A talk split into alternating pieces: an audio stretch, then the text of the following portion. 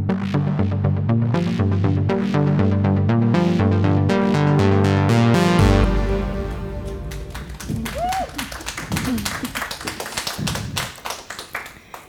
hei. Velkommen til Bokbad med Neda. Hyggelig at du er her. Veldig hyggelig å være her òg, takk. I dag skal vi snakke om boka di 'Dette er ikke oss'. Jeg er Nora, og dette er Hermine, og vi kommer fra den festivalen. Boka handler om Sanna. Det er snart et år siden mammaen hos sin døde.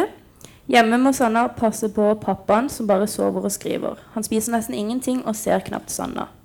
På skolen er det ikke mye bedre, for bestevenninna Mie har slutta å snakke til henne. Josef begynner i klassen, og han lærer Sanna å ta bilder og se verden på en helt ny måte. Og så har han mer ansvar enn ungdom, og derfor kjenner Sanna seg mye igjen i Josef. Uh, men kan hun stoler på han, eller er han akkurat som alle andre? Det er en fin, sår og dessverre ganske realistisk roman eh, om ungdom som må ta vare på seg selv når foreldrene ikke makter å være foreldre. Ja. Neda, var det en karakter som satte i gang denne romanen? En karakter, Ja. altså som Sanna f.eks. Mm. Ja, jeg hadde vel en ganske sånn tydelig hovedperson ganske tidlig, før jeg hadde veldig mye annet på plass. Så skulle være en eh, tenåringsjente eh, som skulle ha den historien, selv om jeg ikke hadde alt på plass selvfølgelig med en gang. Og hun veksla litt eh, fra å være sjuendeklassing og tiendeklassing, så endte opp med å lande på at hun var litt eldre, da. Har du truffet noen som Sanna før? Ja, det vil jeg jo si. Jeg tror Ja. jeg treffer litt sånn Sanna hver eneste dag, kanskje. Eh, ja, Ja, for du er jo barnevernspedagog. det stemmer. Ehm, hva gjorde at du valgte å skrive om barnevernet som et så sentralt tema i boka? Um, altså, jeg studerte jo ved Norsk barnebokinstitutt, eh, og der skulle vi skrive et hovedprosjekt. Og da var jeg ganske tydelig på at jeg ønska å skrive en ungdomsroman. Og så prøvde jeg å tenke hva er det som gjør meg spesiell, da? eller hva er det som kan gjøre, hva er det jeg kan skrive om som kanskje kan være litt, ikke unikt, men ja, spesielt for meg. Da. Eh, og da tenkte jeg jo selvfølgelig på eh, at jeg hadde lyst til å skrive om ungdom som hadde det vanskelig. Og så ønska jeg å ha med barnevern på en god måte. Eh, ettersom jeg la merke til at veldig mye av barnevernsfremstillingen i litteratur for barn og ungdom er kanskje karikert, eh, kanskje litt sånn skremselspropaganda. Jeg tenkte hvordan er barnevernet egentlig? da? Det burde jo jeg vite, og det burde jeg på en måte greie å formidle realistisk da, til ungdommen som leser. Eh, ja. Um, altså, I boka så snakker du jo egentlig altså Josef har ikke så godt, godt syn på barnevernet. Nei, det stemmer. Og det er også litt av Det er også selvfølgelig litt um, planlagt, da. Fordi jeg vil jo at uh, det òg skal komme frem. At ikke alle ungdommer helt skjønner hva barnevernet gjør, holdt jeg på å si. Ja. Bruker du egne erfaringer fra livet, eller er det arbeidslivet? Å, begge deler. Ingen tvil. Kanskje mest eget liv, egentlig, eh, da jeg skrev. Eh, men selvfølgelig også ganske mye faglig, på en måte, da, som jeg har lært som barnevernspedagog. Og yrket jeg jobber i, da. Ja, eh, I boka så leser vi om Sanna som går gjennom veldig mye, men det er jo også faren eh, til Sanna som går gjennom veldig mye. Vil du si at han har en psykisk lidelse? Eh, da jeg skrev om faren til Sanna, så var jeg veldig opptatt av at det skulle fremstilles eh, eh, For det første troverdig, selvfølgelig, eh, men også at vi som leser ikke bare blir sint på han eller eh, føler at han ikke er god nok og ikke han gjør jobben sin, men at det også skulle være menneskelig da, og forståelig, på en måte. Eh, faren til Sanna går jo gjennom en sorg, eh, og han takler den dårlig eh, i form av at han ikke får noe støtte og hjelp utenom fra Sanna. Da. Så jeg vil jo si at han strever psykisk. Eh, alle har jo en psykisk helse, og det prøver jeg å få frem på flere måter gjennom flere karakterer. Eh, men ja, jeg tenker at faren til Sanna absolutt trenger hjelp da, til å mestre sitt liv og kunne være en pappa. da. Ja.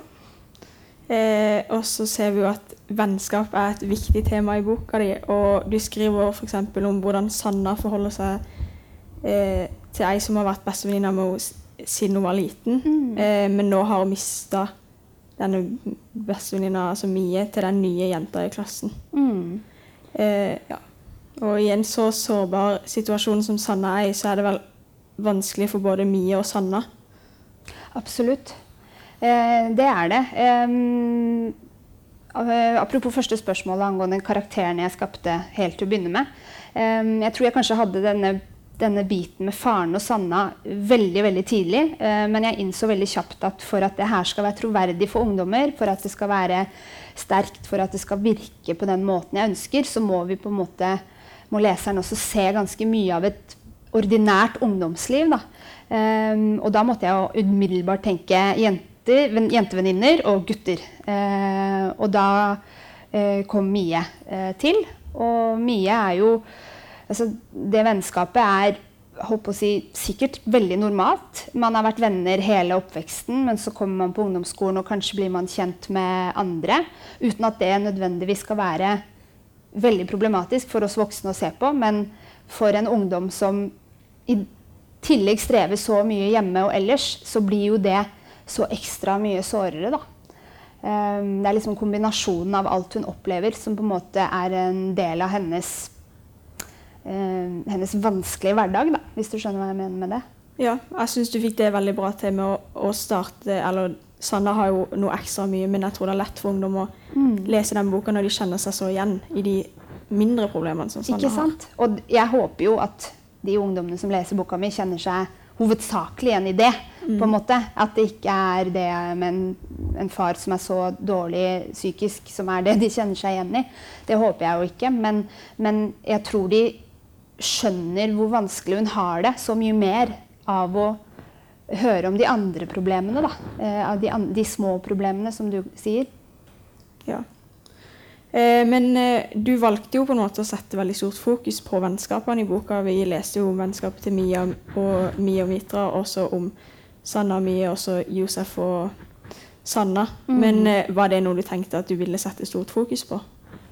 Til å begynne med så var ikke det noe jeg hadde sett for meg. Men da jeg først eh, skjønte at jeg måtte ha veldig mye mer av det hverdagslige, av liksom vennskap og tiendeklassedrama eh, og skole. Da. Det var først da jeg på en måte oppdaga at ok, men jeg kan ikke bare dikte opp to jenter og en gutt uten at det blir dramatisk da, og kaotisk.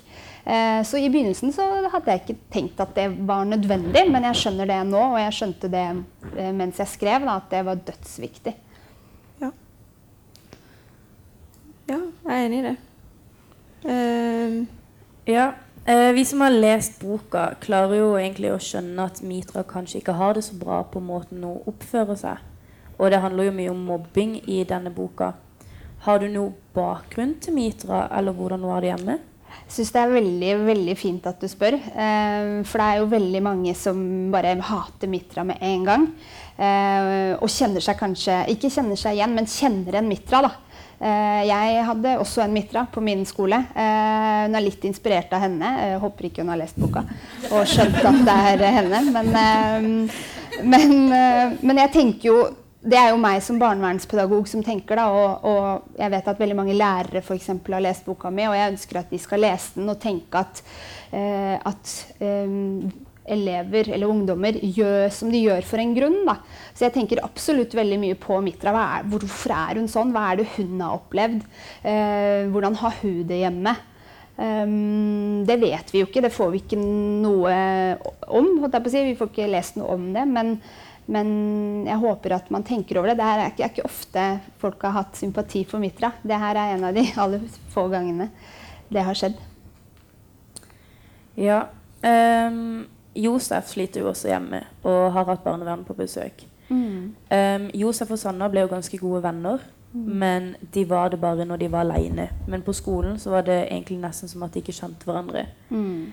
Um, vil du si at Josef er en god person med dårlige sider, eller en dårlig person med gode sider? Oh, det var et veldig godt spørsmål. Um, altså når man skriver en bok som handler om det ene eller det andre, så er det veldig interessant å se i ettertid hva folk henger seg opp i, eller hva folk legger merke til. Og Josef er eh, uten tvil folks favorittkarakter. Eh, noe jeg syns er veldig kult, for det har, det har, skjedd, det har skjedd, med meg òg. Eh, Sanne er jo selvfølgelig eh, den personen jeg har skrevet fra. Eh, det er den jeg har vært når jeg har skrevet. Men Josef har bare sneket seg under huden min som en veldig kompleks gutt. da.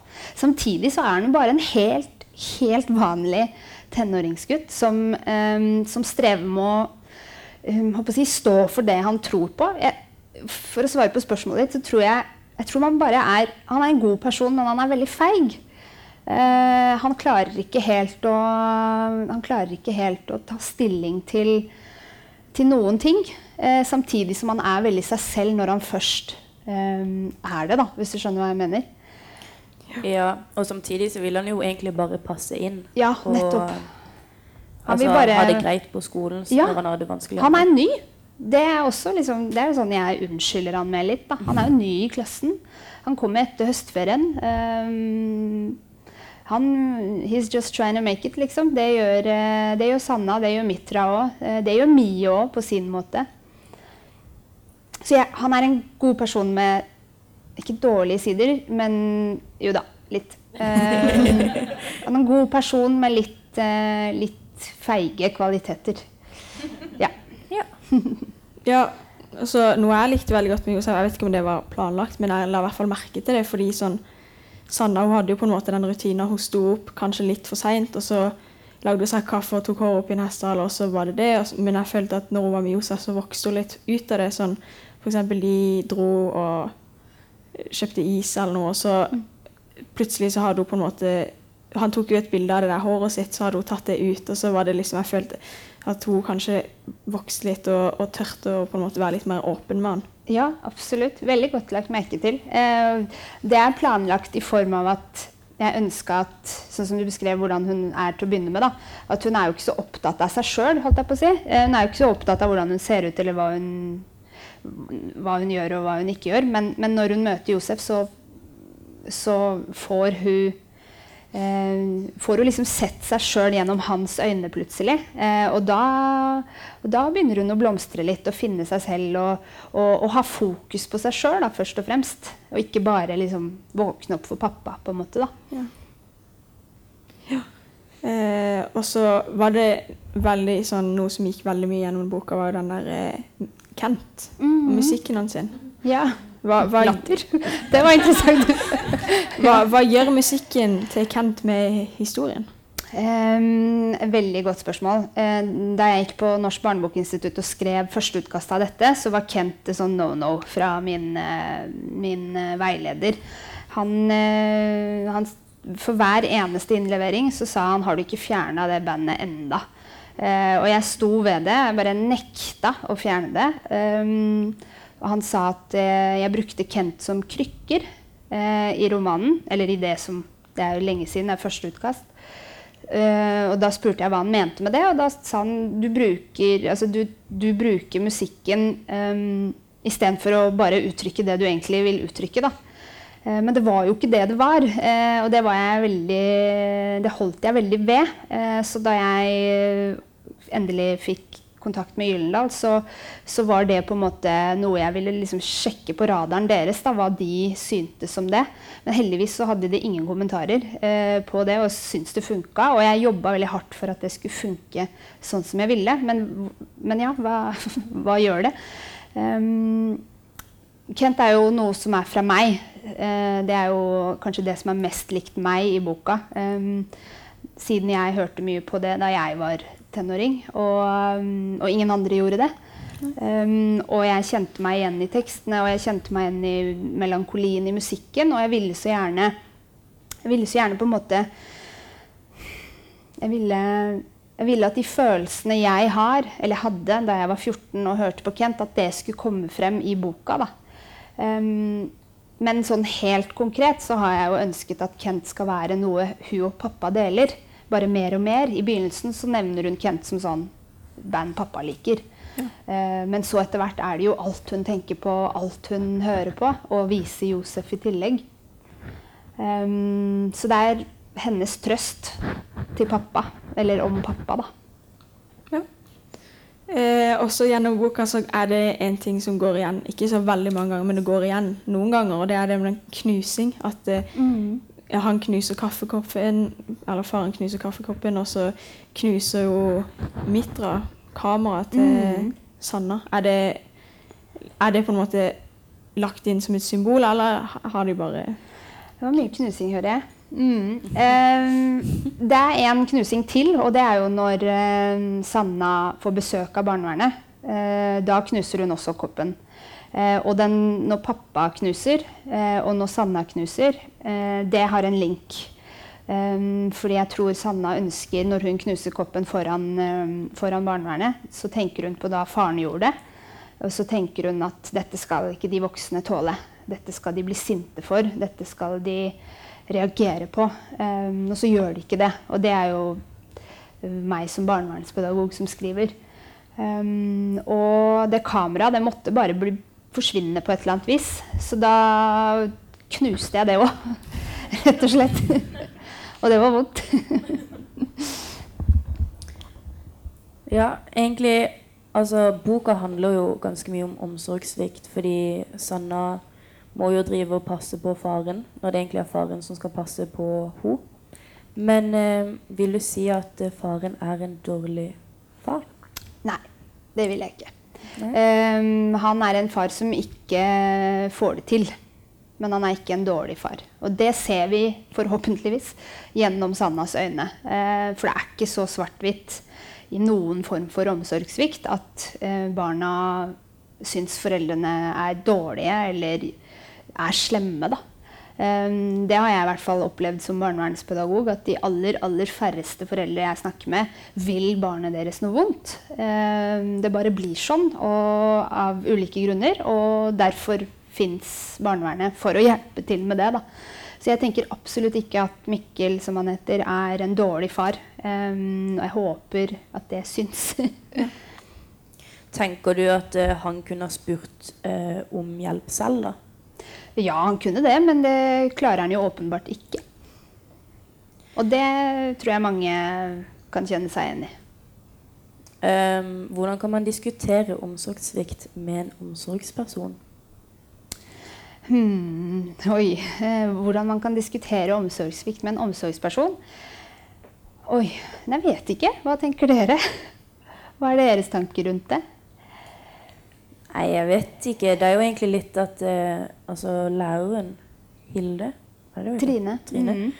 uh, hun er jo mye til for å hjelpe med yes. egentlig å diskutere dette. Og hun ser jo mm -hmm. uh, Sanna.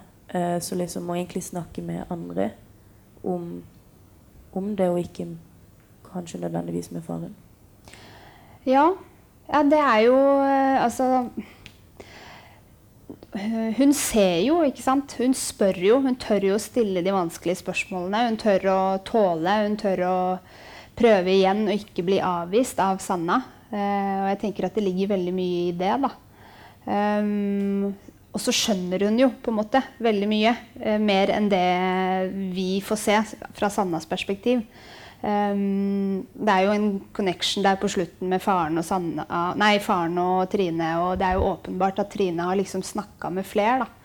Um, ja. Nå husker jeg ikke spørsmålet. Hvordan kan man diskutere omsorgssvikt med sin omsorgsperson? Det er, ja, det var det.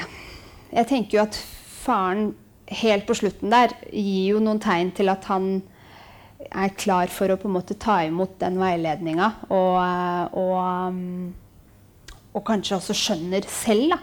Det tror jeg kanskje noe av det såreste jeg skrev, da, var jo når, når Sanna besøker faren på eh, sykehuset der.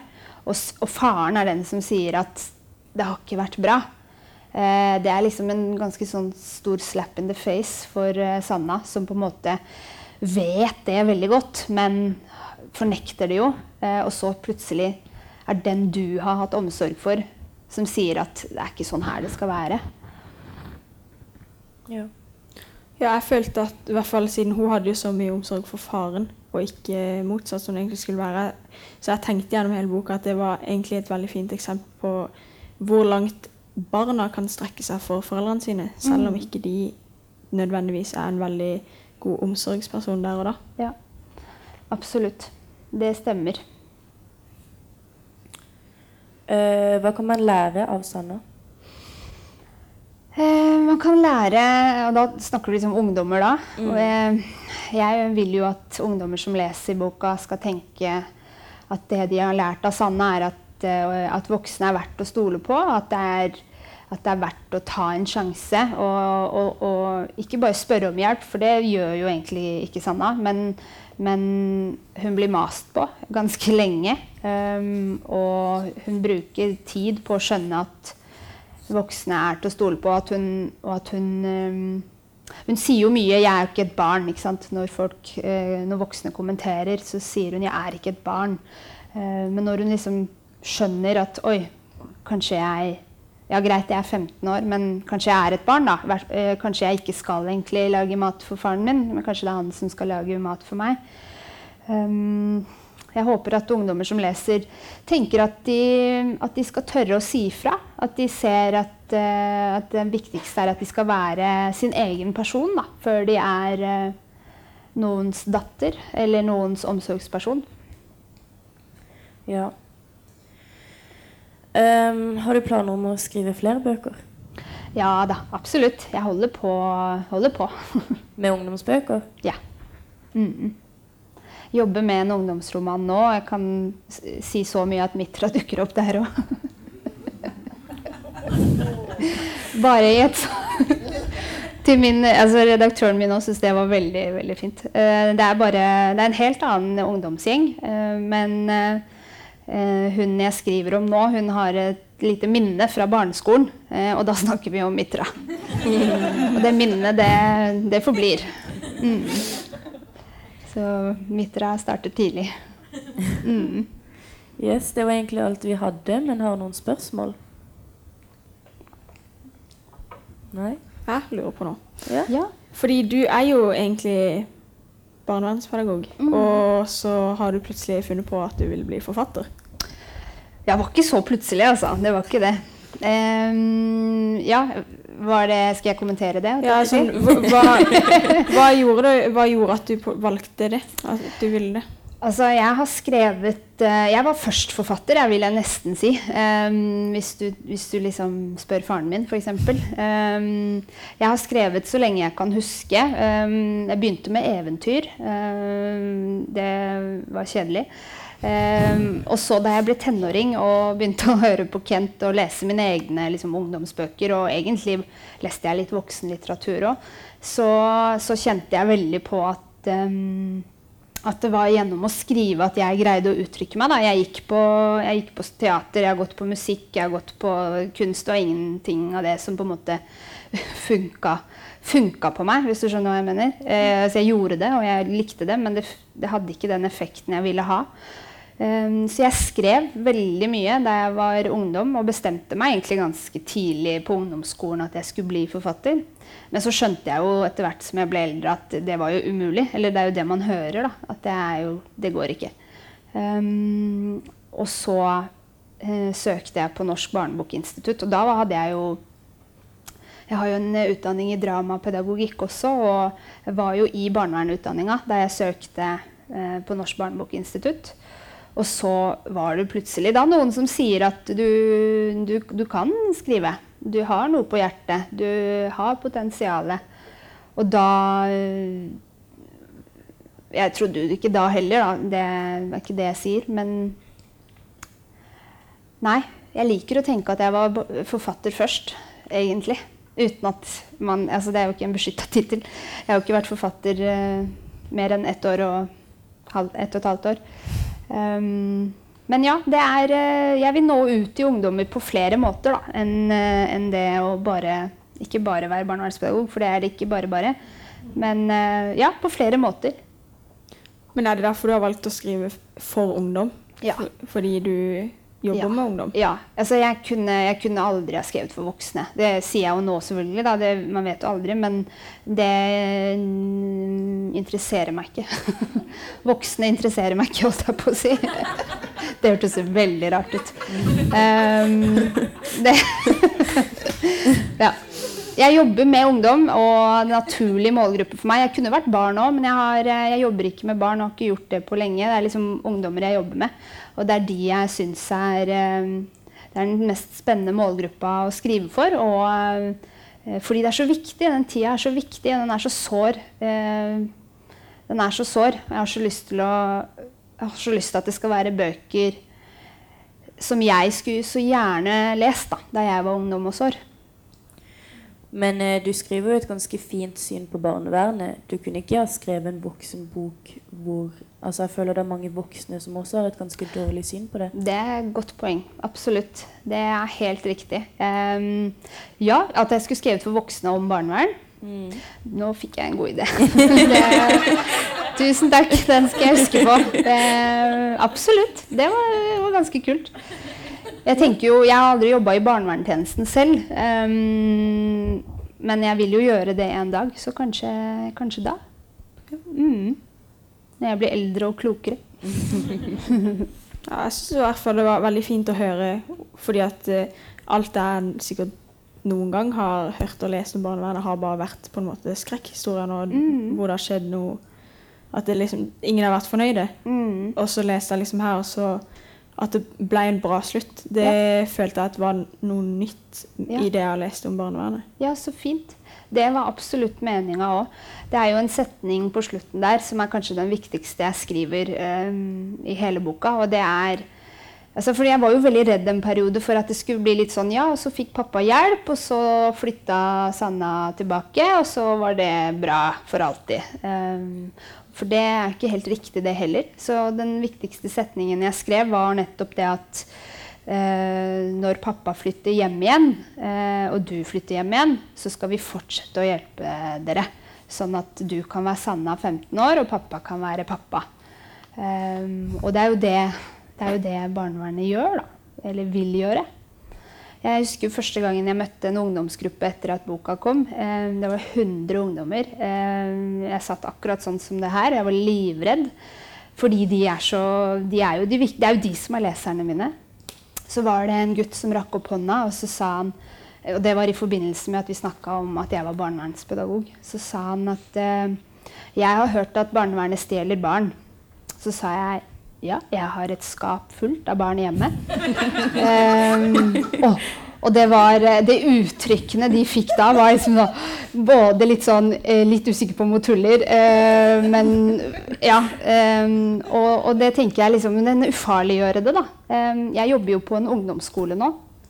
Og for, altså, ungdommene veit ikke Jeg jobber som miljøterapeut, men ungdommene vet jo ikke at jeg er barnevernspedagog. Men når de får høre det, så får de alltid et lite sånn Oi!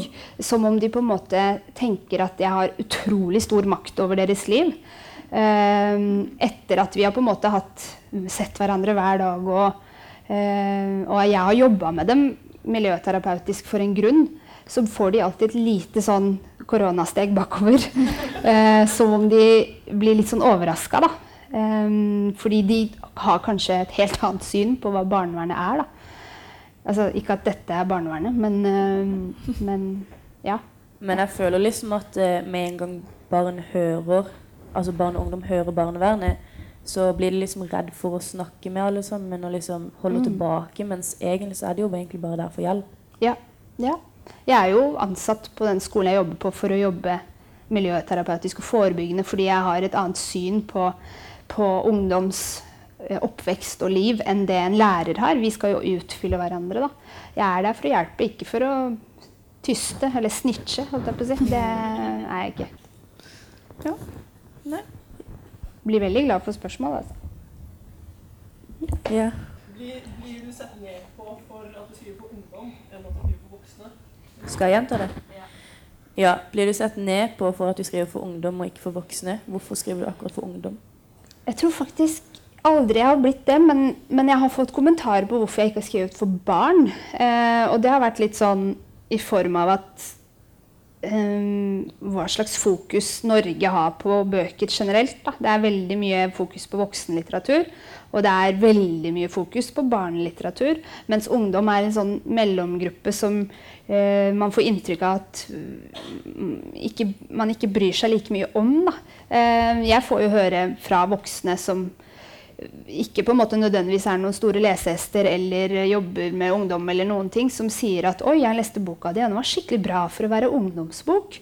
Um, og er, Sånne kommentarer får jeg mye. Um, og voksne som sier at de likte boka, de kjente seg igjen i den. Noe som er veldig rart, for det er jo for ungdommer. Um, jeg liksom, vet ikke helt hva jeg skal svare når jeg får sånne kommentarer. fordi jeg tenker jo at boka kan leses av alle. Og yngste som har lest den, tror jeg, kanskje ti år. Uh, som jeg veit om, mener jeg. Um, men jeg tror mange tenker at den hadde nådd ut til flere. Om, altså ikke at jeg føler at den har nådd uh, ikke har nådd folk, men at den hadde nådd enda flere hvis det var for barn. Uh, fordi det er en bedre markedsgruppe, rett og slett. ja. Men nå har jeg jo en barnevernsidé for voksenlitteratur, så mm. Vet ikke om det var bra svart. Ja. Mm. Møter vi barnevernet i den nye boka di? Um, nei. Og det var, eh, det var et vanskelig valg. Det er litt sånn når man har skrevet én bok uh, som har gått så bra som den har gått, så når man skal sitte med den neste, så lurer man plutselig veldig på hvordan man skal hvilken, Hva skal jeg si nå, på en måte? Jeg har alltid tenkt at det er mange ungdomsliv og mange ungdomshistorier, mange former for omsorgssvikt jeg har lyst til å skrive om.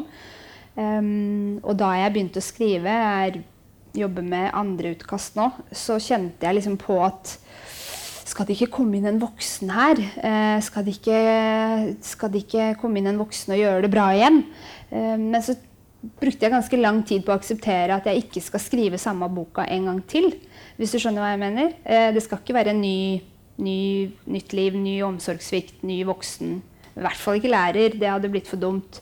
Um, men, men, kanskje det Altså, jeg håper at på en måte min mitt barnevernfaglige syn kommer frem likevel. Da. Jeg har valgt å legge fokuset på vennskap denne gangen. Litt bedre vennskap. Litt snillere jenter. Bortsett fra Mitre. Men hva var grunnen til at du valgte akkurat denne type omsorgssvikten? Eh, det var fordi jeg ville skrive om noe som var veldig vanskelig å oppdage. Eh, noe som var litt sånn um, Altså, jeg tror ikke Sanna går rundt og tenker, eller gjorde det før, da, at å, jeg blir utsatt for omsorgssvikt når pappaen min sover. Um, og det tror jeg ikke den som opplever det hjemme, tenker heller. Uh, jeg tror ikke barn som opplever omsorgssvikt, tenker det i det hele tatt, uansett hva slags form det er. da. Uh, men jeg vet at det fins mange gode bøker, særlig for barn, som handler om liksom, de store temaene. Sånn vold i familien, seksuelle overgrep, Um, som er veldig sånn, tydelige. Selv om jeg sier ikke at det er lett å oppdage og lett å snakke om, men, men de er veldig sånn, konkrete. Uh, og så ville jeg skrive om noe som på en måte var veldig mye mer diffust. Um, litt sånn at man ikke helt veit sjøl, uh, på en måte, hvis du skjønner hva jeg mener. Ja, så dette er jo ikke egentlig en type omsorgssvikt som blir så mye snakka om. Og jeg tror det er mange ungdom som kan lese denne boka og kanskje kjenne seg litt igjen og være litt sånn Oi, Mm. Jeg er også utsatt for omsorgssvikt, liksom. Ja. ja eller, eller, i hvert fall at Oi, eh, sånn som jeg har det, sånn skal det ikke være. Eh, jeg burde snakke med noen om det. Um, det er mange som lurer på om jeg jobber med uh, ungdommer som Sanna. Eller jeg jobba, jeg jobba, med, jobba på institusjon tidligere. Eh, og Sanna er jo på en måte Det kommer til å gå bra. Det er jeg 100% sikker på. Men så er det jo på en måte fordi hun får hjelp, fordi faren får hjelp, fordi instansene er inne, fordi hun har voksne som ser henne. Hun har masse ressurser. Men, men faren er jo for at hvis ikke det hadde blitt oppdaga, så hadde kanskje dette vart kjempemye lenger. Og faren hadde blitt enda dårligere, og Sanna hadde blitt dårligere. Hun blir jo dårlig, hun òg. Hun ser jo ikke det selv, men så klart blir hun jo påvirka.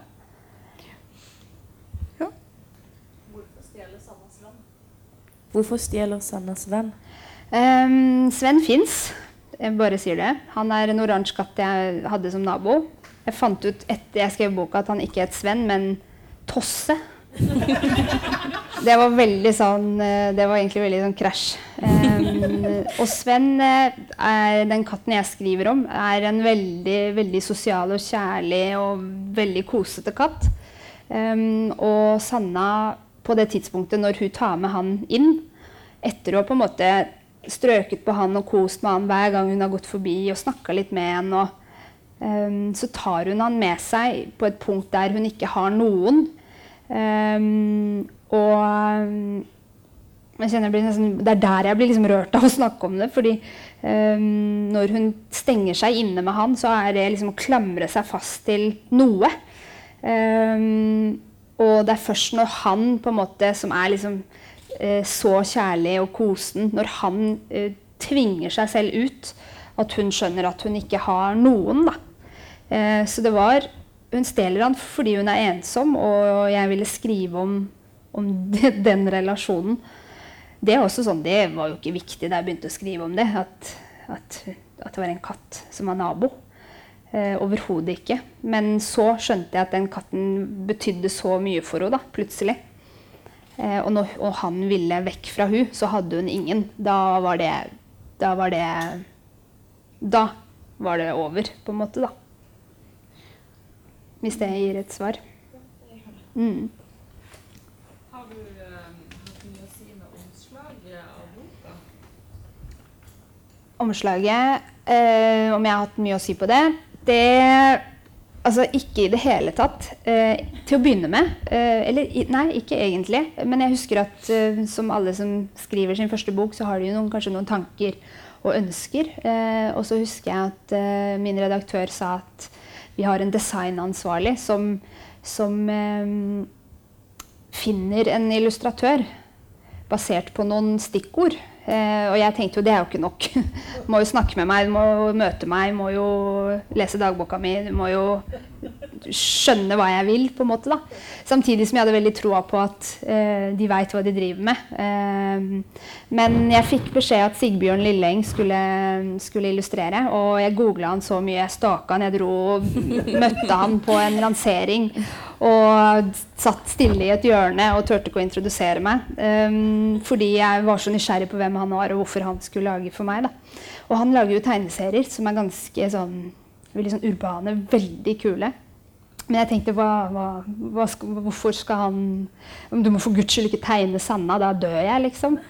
Um, men jeg fikk ikke lov til å snakke med han om det. Uh, det skjedde liksom gjennom Gyllendal. da. Og så husker jeg den dagen jeg skulle få første skissa. da, Og, da, og det var en tegning av et vindu uh, med bakgård um, og en kaffekopp. Og da skjønte jeg at de skjønner akkurat uh, hva jeg vil her. Uten at jeg har tenkt at jeg skal ha et vindu, liksom. Um, men gul og blå bok ville jeg ha, uten at han visste det. Så det har han fått til. Så han, jeg var forelska i han en stund. Ikke si det noen.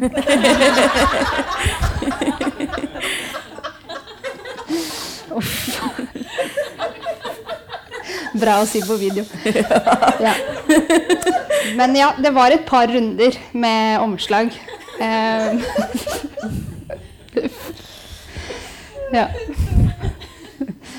Så jeg ble veldig fornøyd, i hvert fall. Og det er et omslag man husker, tror jeg, da. Mm. Ja, absolutt. Mm. Ja, takk for at uh, du kom. Tusen takk for at jeg fikk komme. Takk for gode spørsmål. Ja, Mm. så avslutter vi det her.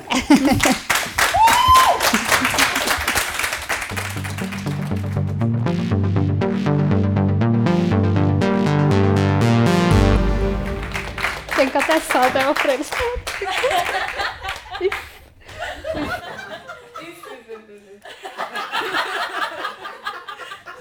Altså, det er, folk vet det, men ikke han.